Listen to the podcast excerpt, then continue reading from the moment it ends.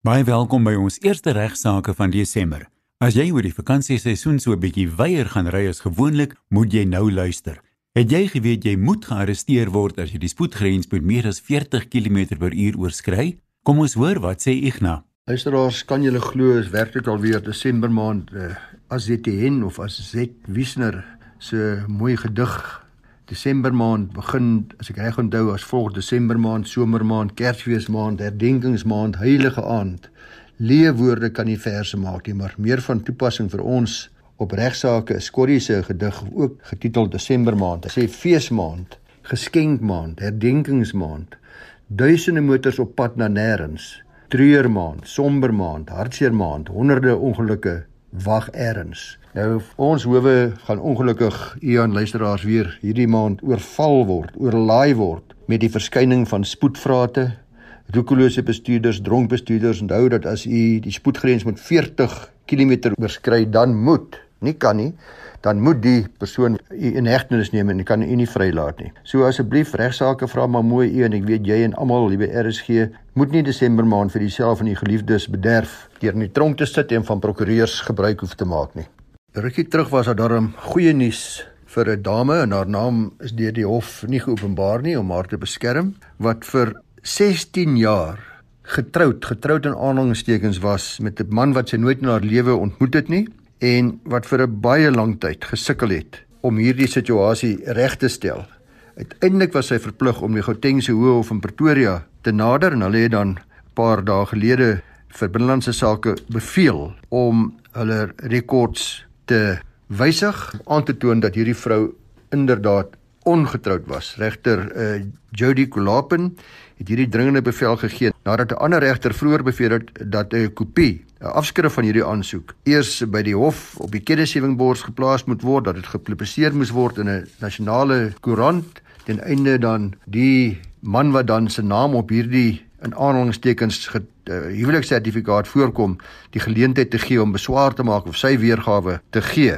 Die sogenaamde eggenoot uh, was bekend as Chao Chen op die huweliksertifikaat en uh, Wits Restoniek het hierdie dame bygestaan en aangetoon dat sy geen idee gehad het wie hierdie Chao Chen was nie. Alle pogings om hom op te spoor was ook futiel. Sy het vir 4 jaar luisteraars gesukkel vandat sy vasgestel het per abuis dat sy getroud is eh, volgens binnelandse sake se rekords. Sy het vir 4 jaar gesukkel om dit reg te stel. Uiteindelik het sy in desperaatheid daar tot die hof gewend en daarom die hulp gekry van Wits se regskliniek. Sy sê onder andere dat sy was desperaat om hierdie rekord reg te stel en weer as ongetroud beskou te word want die vals huweliksertifikaat het haar lewe in vele opsigte nadelig beïnvloed. Sy is onder andere HIV positief, sy het uh, tuberkulose, sy is bipolêr, sy is uh, regtig baie siek en sy het eers vasgestel dat hierdie status van haar foutief is toe sy aansoek gedoen het vir die ID-dokument nadat haar ID-dokument verlore geraak het. Onder andere is hierdie vals inligting by binnelandse sake het vir haar uh, eh, beteken dat sy is regtig uh, nie welvarend nie dat sy ook nie kon aansoek doen vir 'n vir mediese hulp nie. Sy sê sy het ook op 'n stadium regtig gevoel dat sy geen waardigheid het nie, dat sy waardeloos is, dat sy skaam is, sy is baie gefrustreerd met binnelandse sake wat nie hierdie situasie nie tenstaande baie mooi vra en baie versoeke wou regstel nie. Uh, wat wel baie duidelik is luisteraars is dat hierdie sogenaamde eggenoot het beslis nie hierdie bedrog gepleeg vir finansiële voordele nie want sy het regtig niks nie maar ons kan maar spekuleer dat hy dit nodig gehad om te bewys dat hy getroud was sodat hy in Suid-Afrika kan bly omdat hy 'n Suid-Afrikaanse dame as eggenoot het. Die vrou sê dat sy wil nie haar familie met hierdie gemors laat as sy doodgaan nie want sy voel dat sy reeds op sterwe is en sy wil ook nie hê dat hierdie meneer Chen in ons land gelukkig moet lewe onder die vaandel dat hy inderdaad getroud is met 'n Suid-Afrikaanse burger nie en daarom het sy aangedring dat die hof die situasie regstel wat die hof dan ook gedoen het. Ja, luisteraars, 'n kliënt en toevallig ook 'n vriend het uh die naweek oor 'n glasie wyn vir my geweld dat hy met vrees en bewering opsien na hierdie Kersseisoen omdat bure twee huise van hom af hulle huis en hulle erf met kersliggies versier en dat talle besoekers die plek besoek en kom kyk na die liggies en dit is vir hom en vir al die ander bure geweldig ontwrigtend. Hy sê daar word ook kersliedere oor 'n luidspreker gespeel vir ure lank en ek het die volgende dag toe na hy met my gesels het vir hom 'n saak gegee om te lees wat ek ook jare terug op hierdie program bespreek het want ek maar net weer vir ons luisteraars van wil vertel. Dis natuurlik die saak van Wyngaard en ander versus Grobler en ander 2010 saak 2010 en hakkie 6 SA 148 vir die kollegas wat dalk hierna wil gaan kyk. In hierdie saak was dit 'n appel van die Landroshof en die applikant het 'n aansoek geloods om die respondente te verbied om hulle huis verder met Kersfeesligte asook verskeie ander toebehore te versier. Uh sien net dat die Kersfees versierings en al die aandag wat dit trek volgens die applikante op 'n oorlas neerkom. Oorlas soos beskryf in die burgerreg. Nou die applikant in hierdie saak was 'n pensionaris wat saam met haar man bly in 'n huis reg oorkant, die huis wat dan nou so met kersliggies versier was. Die huise was geleë in Jeffreys Bay. Dit blyk uit die hofstukke dat die respondente hulle dubbelverdieping huis reeds vanaf 2004 met kersliggies en ander kersfeesversierings opgemaak het. Nou is ook verskeie handgemaakte versierings voor die huis gesit, onder andere 'n kersvader wat geskenke uitdeel aan kinders. Blyk dat daar 'n gebruik in Jeffreys Bay was daardie tyd dat verskeie ouers hulle kinders se geskenke dan na die kersvader toe gebring het sodat hulle dan op 24 Desember kan ontvang vanaf die respondente se kersvader daar in die tuin.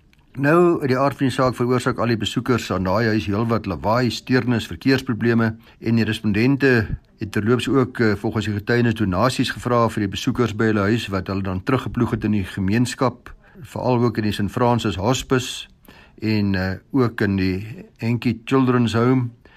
En uh, die ligte was aangeskakel vanaf 1 Desember tot en met die einde van die eerste week in Januarie. En vanaf dit litigasie begin het in daardie tyd in 2010 tot en met die einde daarvan het die respondente wel probeer om die ongerief vir die appellante te verminder deur te onderneem om die ligte eers aan te sit vanaf 14 Desember tot die einde van die eerste week in Januarie en in die ligte slegs in die aande van 7uur tot 11uur sou aanwees. Dit het egter nie al die vure geblus of die emosies laat bedaar nie en die appellant het in stukke aangedui dat uh, die respondente se optrede katastrofiese effekte het op die rustigheid en die stilte in daardie woonbuurt. Sy beskryf die situasie as 'n nagmerrie vir haar. Die rede is die verskeie voertuie, die engines wat aan en afgeskakel word, mense wat stop en weer wegtrek en ook natuurlik die Kersvader wat tussen die voertuie deurloop en geld insamel en ook lawaai maak. Die appellant het dit duidelik gemaak dat dit eintlik soos 'n straatpartytjie is elke aand en verder dat die mense ook in die strate mors. En sy sê sy en haar man kan nie meer slaap nie en hulle gebruik van hulle eie op 'n onversteurde wyse word erg aangetas. Die respondente aan die ander kant dui daarop dat daar wel meer geraas is as normaalweg, maar dat uh, die applikante, die appellante dit erg oordryf ook aangedui dat die Kersvader nooit in die straat rondloop nie en hulle het ook verklaring van ander bure aangeheg waarin die ander van die ander bure sê dat hierdie ligte hulle regtig nie verontrief in die hele optrede nie dat hulle geen probleem daarmee het nie. Nou die landdros so wou die klaar of die eiser nie help nie en uh, hulle teken toe appel aan die Ooskaap na die Hooghof toe en die regter het in aanleiding van die verklaringsforum beslis dat daar beslis meer geraas is as gevolg van hierdie Kersfees versierings en dat daar ook aan aggeneem moet word dat die hoeveelheid mense in Jeffreys Bay ook daardie tyd Kerstyd baie vermeerder En die vraag wat gevra moet word is of hierdie addisionele gerase inbreuk maak op die appellant se eiendomsregte.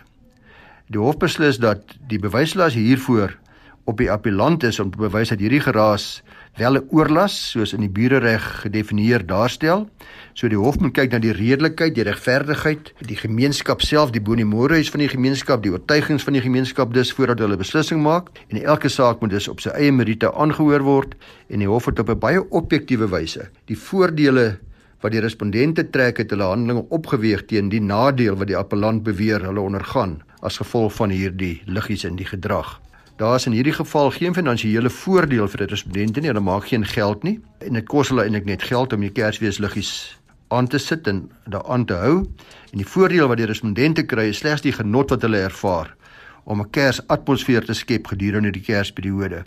Verder ook die feit dat hulle wel vir baie ander kinders ook vreugde verskaf uh, en dat hulle ook met die opbrengs die twee welsynsorganisasies ondersteun het. So die nadeel, uh, die hof het beslis dat die nadeel en die ongemak wat die aansoekers, die appellante moet verduur, nie genoeg is om uh, die respondense handelinge as onregmatig te beskryf nie. Die voordeel sê die hof wat uh, hieruit voorspruit vir die besoekers as ook inwoners uh, en die Kersfees atmosfeer en die Kersfees gees wat dit uitstraal en die Kersboodskap wat ook daardeur uitgestraal word en gekoppel word en ook die finansiële bystand aan welsynsorganisasies sê die hof is baie groter voordeel as enige nadeel wat deur die appellant beleef word. So die hof bevind luisteraars dat die kersliggies wel aangesit kan word vanaf die 14de Desember tot en met die einde van die eerste week in Januarie, maar dit mag net duur vanaf 7:00 die aand tot 11:00 die aand en die appel is dus van die hand gewys. En dis dan ook die advies wat ek aan my vriend gegee het en wat ook sal geld vir ander mense wat dalk voel dat die kersliggies in hulle omgewing 'n bron van irritasie is. Ek het 'n mooi briefie ontvang van 'n persoon wat homself oom Janneman noem en uh, hy sê dat hy is nou vir baie jare lank baie gelukkig getroud en hy sê in sy lewe was dit nog nooit vir hom nodig om oor die draad te loer nie amper 40 jaar. Hy sê maar tog is dit vir hom verbasend om te lees almekaar in die media en ook in sy eie dorp te sien hoe mans en vrouens ontrou is aan hulle huweliksmaat, hoe hulle rondloop En dan sê hy besef hy maar net dat die seksdrang van die mens dikwels die duiwel se oorkussing is. Dit kan ek as prokureur van getuige veral as 'n eskeringsprokureur wat vir baie jare baie eskerings gedoen het. Nou hy sê hulle is al bejaard en hulle is ook baie geskok as hulle hoor van kinders wat verkragt word. Ou mense wat verkragt word wat vir hulle weer word wat ons elke nou en dan in Suid-Afrika beleef. Hy sê sy arme vrou en hy stort baie trane oor klein babietjies wat verkrag word en kinders wat nog baie jonk is en ons het onlangs in Suid-Afrika weer voorbeelde daarvan van gelees. Hy uh, vertel ook dat hy gelees het van uh, 'n seksoortreder wat jare terug gevra het dat die hof hom moes kastreer omdat hy onbeheerbare drange het en hy self nie meer daarmee kon huishou nie en uh, hy het gedink dat dit sou goed wees as hy gekastreer word en sy geslagsorgaan verloor as 'n straf. En nou is die vraag wat oom Janneman vra kan kastrasie in Suid-Afrika as deel van 'n straf deur 'n hof beveel word? En indien nie vra hy hoekom nie? Hy sê daar was 'n tydperk en almal van u sal dit onthou en daar's nou nog beweringe dat in sekere lande nog gebeur dat 'n dief se hand afgekap word as deel van sy straf. En hy sê jy moet ons hier in Suid-Afrika begin dink want dit druk so hande uit en is so erg dat tronkstraf help beslis nie meer nie. Hy sê dis baie duidelik dat mense nie meer bang is om tronk toe te gaan nie en dat ons nie maar liewers iets moet afkap by iemand wat verkrag nie.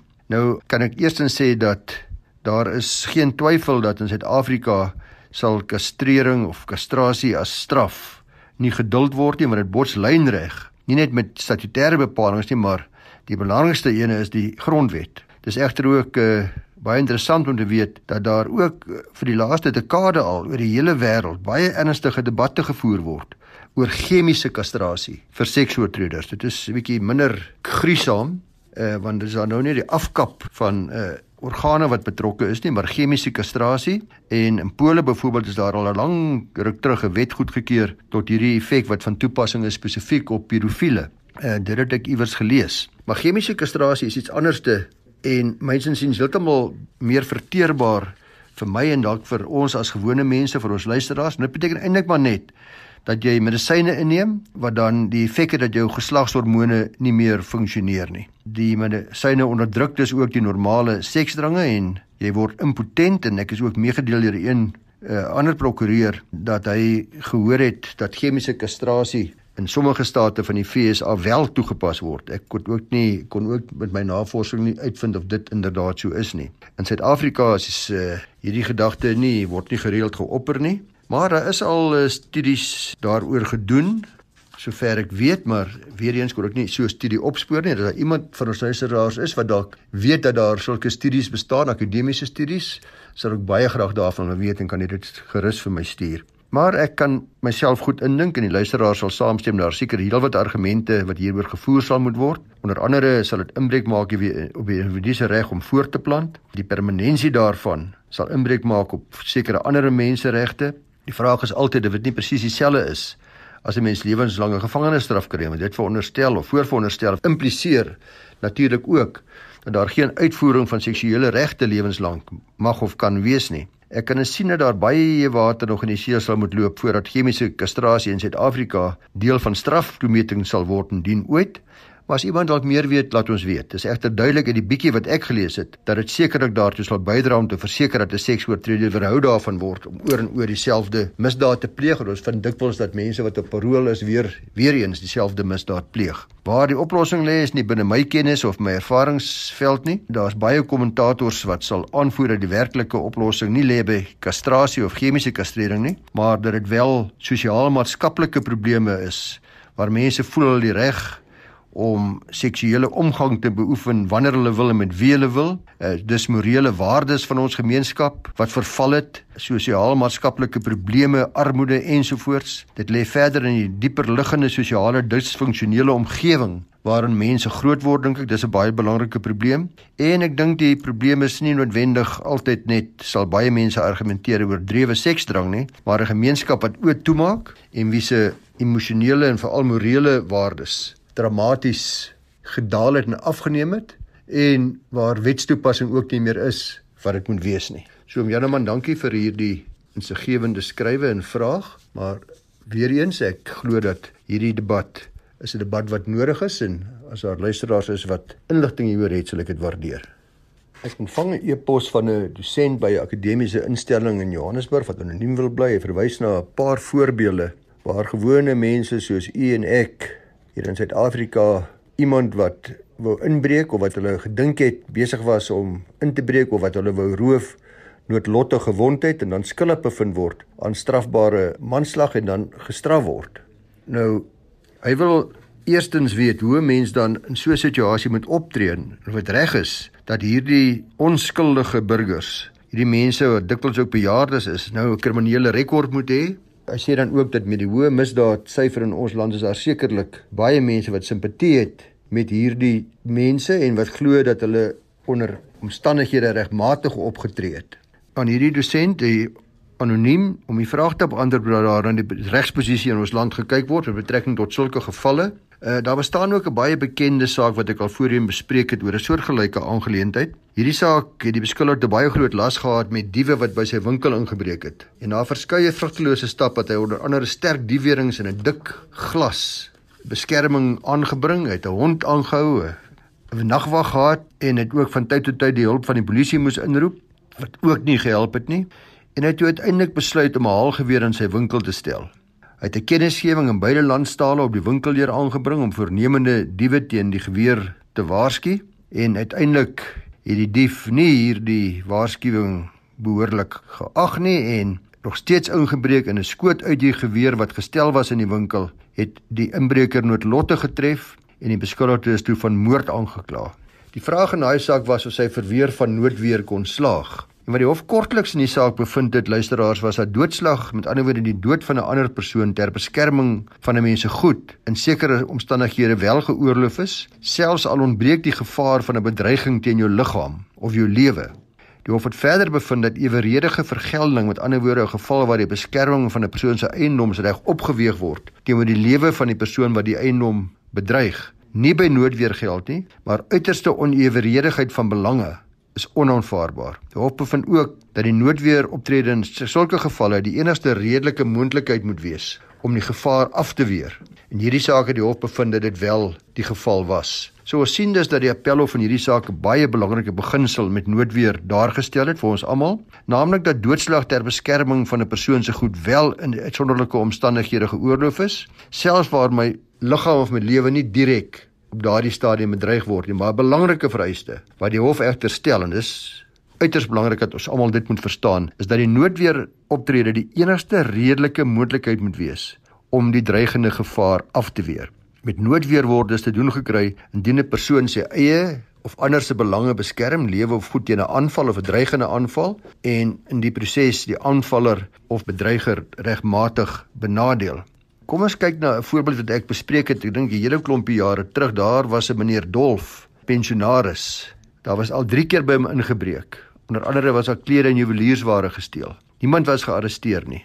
Meneer Dolf was saam met sy vrou en skoonsister almal bejaardes in die huis toe hy geraas gehoor het. Hy het by nadere ondersoek ontdek dat 'n man besig was om die dieweringe af te breek. Dis presies wat ons van tyd tot tyd in Suid-Afrika hoor wat gebeur en wat doen mense nou? Hy het op die man geskree om weg te gaan om op te hou. Hierdie man, die voornemende inbreker of die persoon wat getorring het uit die diewierings het toe vir meneer Dolf uitgelag en voortgegaan waarmee hy besig was. En spite daarvan dat meneer Dolf 'n vuurwapen by hom gehad het. Meneer Dolf het oorweeg om die polisie te ontbied, maar hy het gedink hulle sal te laat opdaag, wat sekerlik ook verstaanbaar is.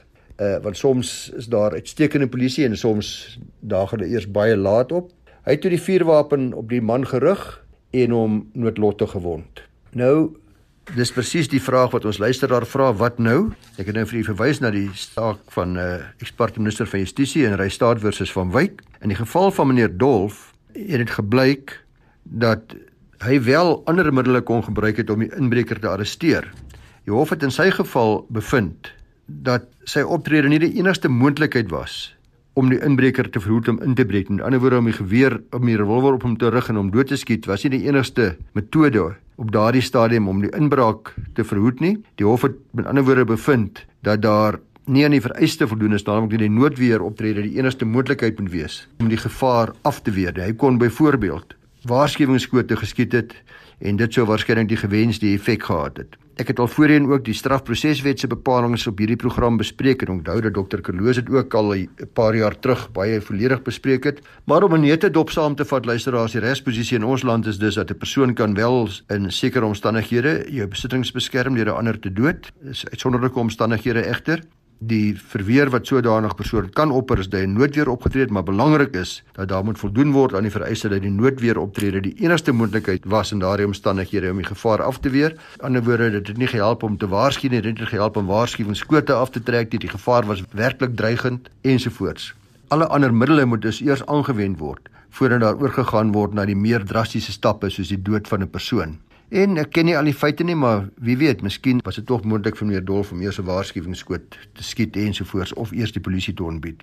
Maar soos die hof genoem het in die berig wat ek hieroor gelees het jare terug, was dit nie vir hom nodig om op daardie vroeë stadium al reeds reg in eie hande te neem nie. So jy moet eers al die ander opsies oorweeg wat insluit die, die arrestasie. Dit is ook belangrik of die inbreker gewapen is en of hy u lewe bedreig voordat jy voortgaan om iemand wat inbreek te, te dood ter beskerming van u besittings. Anders sal hy skuldig wees aan moord of strafbare manslag, afhangende van die vraag of hy opsetlik of net nalatig opgetree het. In die geval van uh meneer Dolf het hy uh skuldig bevind aan strafbare manslag en sy boete was net R1200 of 6 maande gevangenisstraf, maar was in totaal opgeskort. Dan vra ons luisteraar ook of die inbreker se afhanklik is dan 'n eis kon instel teen iemand soos meneer Dolf. In ander woorde, soos hierdie persone, die voorbeelde waarna hy verwys. Die antwoord is ja. Indien nie afhanklik is van die oorledene kan bewys dat daar wel onderhoudsplig was byvoorbeeld, dan sal dit 'n siviele saak wees op die basis dat die persoon 'n onregmatige daad gepleeg het, dit wel nie 'n misdaad nie, naamlik die dood van die inbreker. Dit het niks te doen met die strafsaak nie en hulle sal moet wys dat hierdie persoon die inbreker opsetlik of let wel nalatiglik gedood het en dat hulle onder andere verlies aan onderhoud gelei het. Dit moet beklemtoon word dat die afhanklik is 'n eis moet instel vir skade. Dit nie noodwendig beteken dat hulle suksesvol sal wees met so 'n eis nie, soos in meneer Dolf se geval nie. Uh hulle sal onder andere moet bewys dat die inbreker 'n inkomste verdien het waarmee hy hulle werklik onderhou het wat baie gevalle onwaarskynlik is en uh, dikwels kan hulle nie die finansiële verliese behoorlik bewys nie. Nou luisteraars, u almal, almal van ons, ek in plus het 100% simpatie met die onskuldige slagoffers van die hoë misdaad in ons land. In sekere streke het dit onaanvaarbare afmetings aangeneem sodat dit mense beweeg om reg in eie hande te neem of minstens baie baie sterk uitdaag om reg in eie hande te neem deur dit te doen sal egter beslis nie die probleem oplos nie omdat dit eerstens tot chaos in 'n land kan lei. Tweedens kom dit neer op 'n verontagsaming van die reg wat misdadigers selfs meer rede gee om voort te gaan om die reg te oortree. Ons weet van baie ongelukkige gevalle waar mense ongelukkig ook dood is in hierdie omstandighede waar ouers ook hulle eie kinders gedood het wat hulle aangesien het as inbrekers. Maar let wel, die howe is bewus van die omstandighede in ons land en sal altyd hulle bes probeer om 'n baie billike beslissing onder hierdie omstandighede te maak. En ek dink die saak van meneer Dolf is 'n baie goeie demonstrasie daarvan. Want soos ek vir u sê hy het net 'n boete gekry van R1200 of 6 maande gevangenisstraf in geheel opgeskort. Wat eintlik 'n baie billike vonnis was as mens in ag neem dat die vonnis vir strafbare manslag gewoonlik baie hoër is as die wat die hof in hierdie geval toegedien het. Weereens sal dit altyd van omstandighede afhang dankie aan ons luisteraar vir 'n goeie vraag. Dis dit vir vandag se regsaake Jy kan jou vrae vir beantwoording direk na Ignas stuur. Sy adres is igna@ffd.co.za. En as jy dalk nou so op die sterkant van die program by ons aangesluit het en nie elke maandag 11:30 na regsaake kan luister nie, onthou elke program is ook beskikbaar as potgooi op rsg.co.za. Mooi loop, sluit asseblief volgende week weer by ons aan.